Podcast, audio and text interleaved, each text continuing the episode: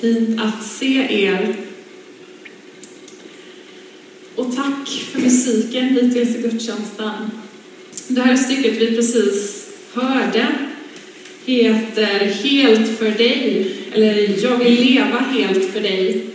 Och en strof är Tack för att din kärlek är runt mig varje dag. Egentligen sammanfattar det hela min predikan. Eh, tack för att din kärlek är runt mig varje dag. Men eh, jag ska dela några till tankar, men då vet ni att det är sammanfattningen. Eh, tro och liv är ju temat som vi har hört Katarina säga. Ehm, och eh, den här evangelietexten som är föreslagen idag tycker jag är lite svår. Jag har aldrig predikat över den förut. Så när jag har levt med texten lite här i veckan så har jag insett att jag tycker att den ändå är ganska livsnära. Så jag har paddlat däremellan. Så vi får se vad ni tycker då när vi nu ska läsa dagens text. Och vill ni följa med så finns det i Bibeln. Det är Matteus evangeliet kapitel 23, verserna 1 till 12. Och om ni har psalmboken så är det på sidan 1648. 1648.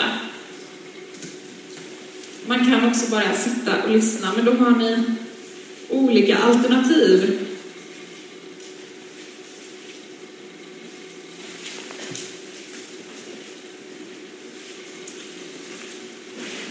läser. Sedan talade Jesus till folket och sina lärjungar och sa De skriftlärda och fariseerna har satt sig på Moses stol. Gör därför allt vad de lär er och håll fast vid det. Men handla inte som de gör, för de säger ett och gör ett annat. De binder ihop tunga bördor och lägger dem på människornas axlar, men själva rör de inte ett finger för att rätta till dem.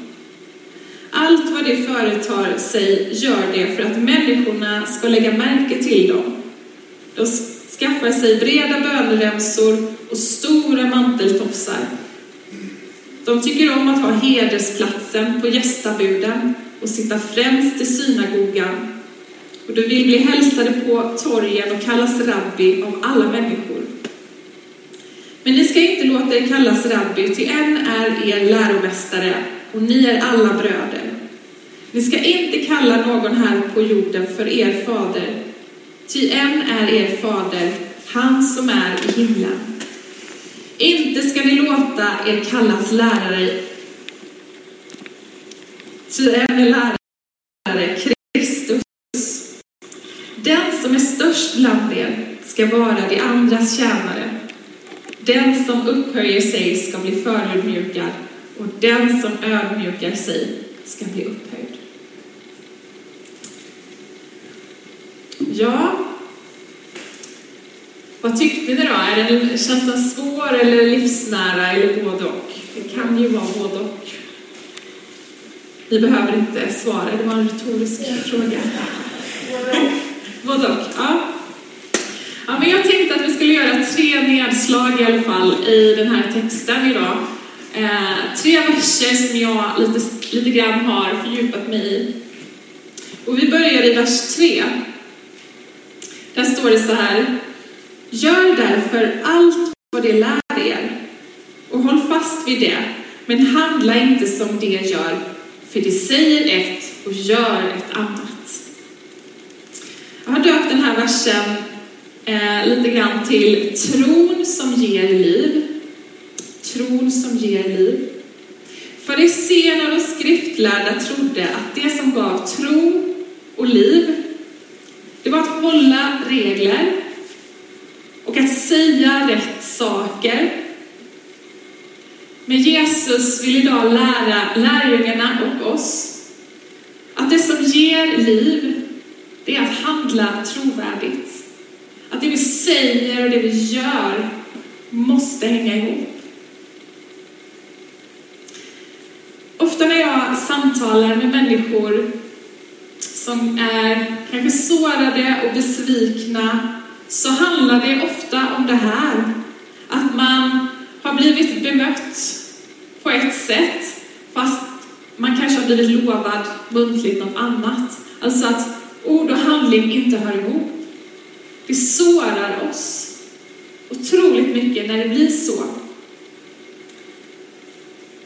Och jag tänker att det händer oss överallt. Det händer oss här i kyrkan, det händer oss på våra jobb, i våra relationer, därför att det är mänskligt. Vi är inte perfekta, vi kommer aldrig att bli. Men kanske att vi idag kan stanna upp i detta lite och öva oss lite mer på att våga säga förlåt när det blir sådär fel, ni vet. När inte det vi säger och det vi gör hör ihop. Att vi kan då erkänna det och så kan det bli ett möte i det som är vårt mänskliga istället för att vi försöker upprätthålla ett perfekt liv. Så Jesus vill i den här versen lära lärjungarna att ord och handling hör ihop. Och vi som är här idag får påminna oss om detta viktiga. Både i vår tro och i våra liv. Att ord och handling hör ihop. Och när det blir fel, låt oss öva på att säga förlåt. Den andra versen är nedslag vers 5. Allt vad de företar sig gör de för att människor ska lägga märke till dem och skaffa sig breda böneremsor och stora manteltofsar. Jag kan se detta lite framför mig, kan ni det? De här stora manteltofsarna. Att man liksom ville ha större och större för att människor skulle lägga märke till det. Jag har döpt den här versen till ett liv som du tror på. Ett liv som du tror på.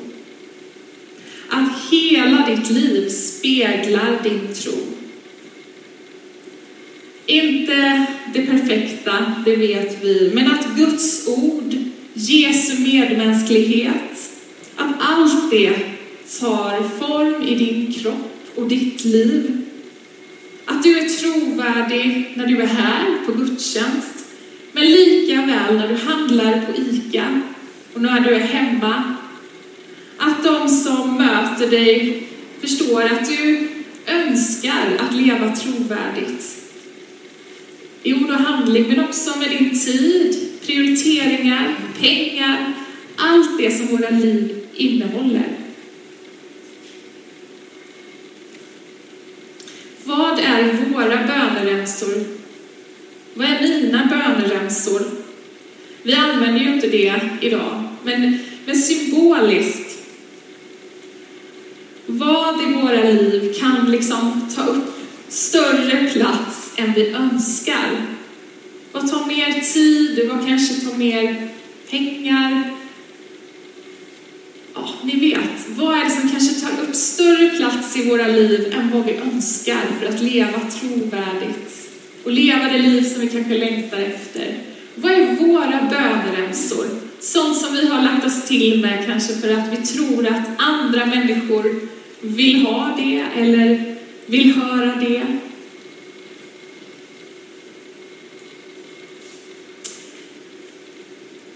Jesus tar upp det här vid väldigt många tillfällen i Bibeln, att vi inte ska hålla fast vid vackra fasader. Vi ska inte försöka hålla upp vackra fasader. Det återkommer med jämna mellanrum när Jesus talar till både folket och sina lärjungar. Och min fråga blir ju då, hur kan vi hjälpa varandra med detta?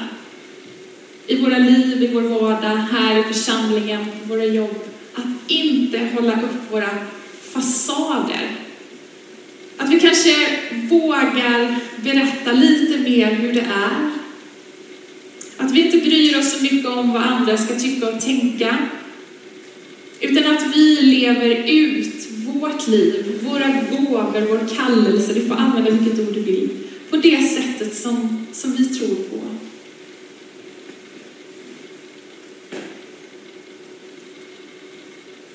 Jag tänker också det här med fasader, att det är viktigt att vi som församling fortsätter att vara en annorlunda röst i vårt samhälle.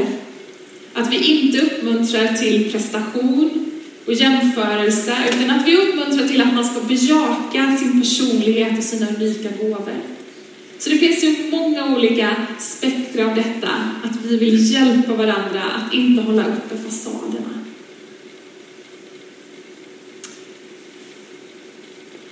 Det vi också gör idag, det är att vi inbjuder till gudstjänst där Jesus står i centrum.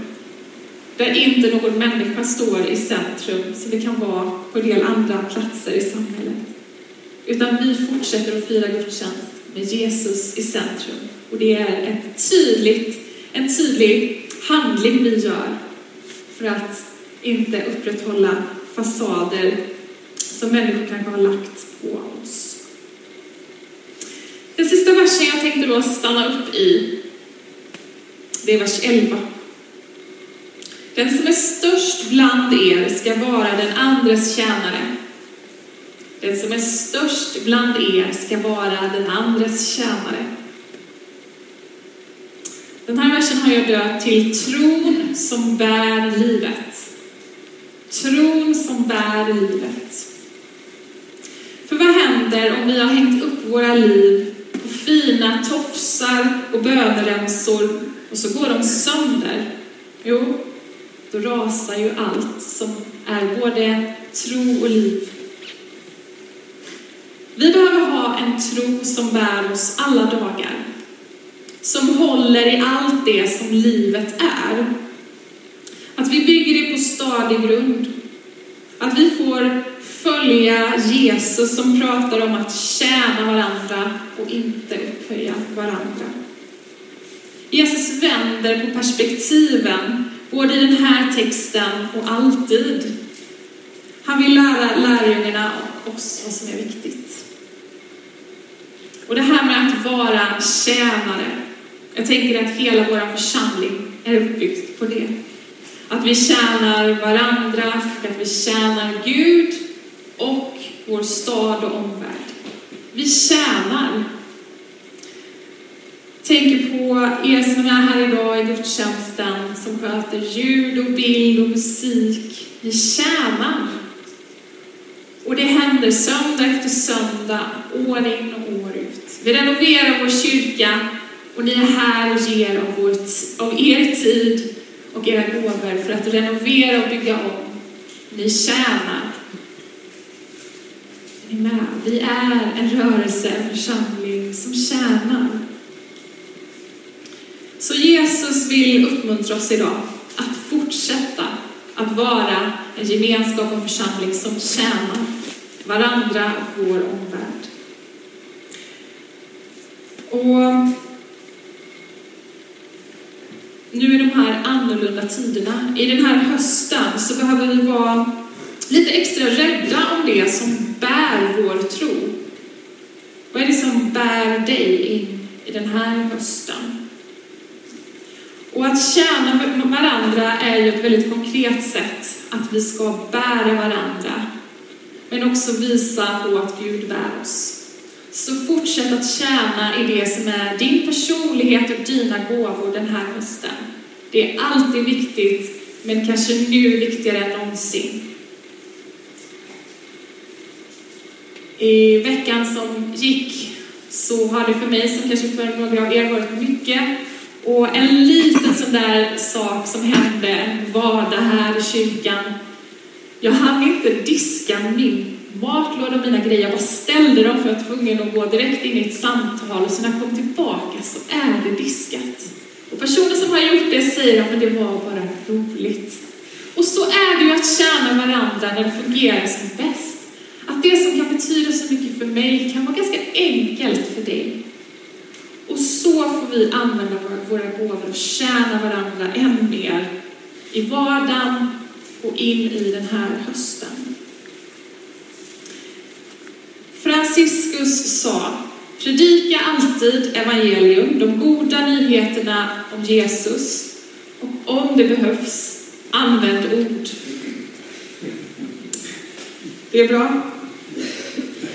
Min fråga till dig allra sist Vad bär dig in i den här hösten. Var rädd om det som bär dig. Var rädd om din tro som bär liv.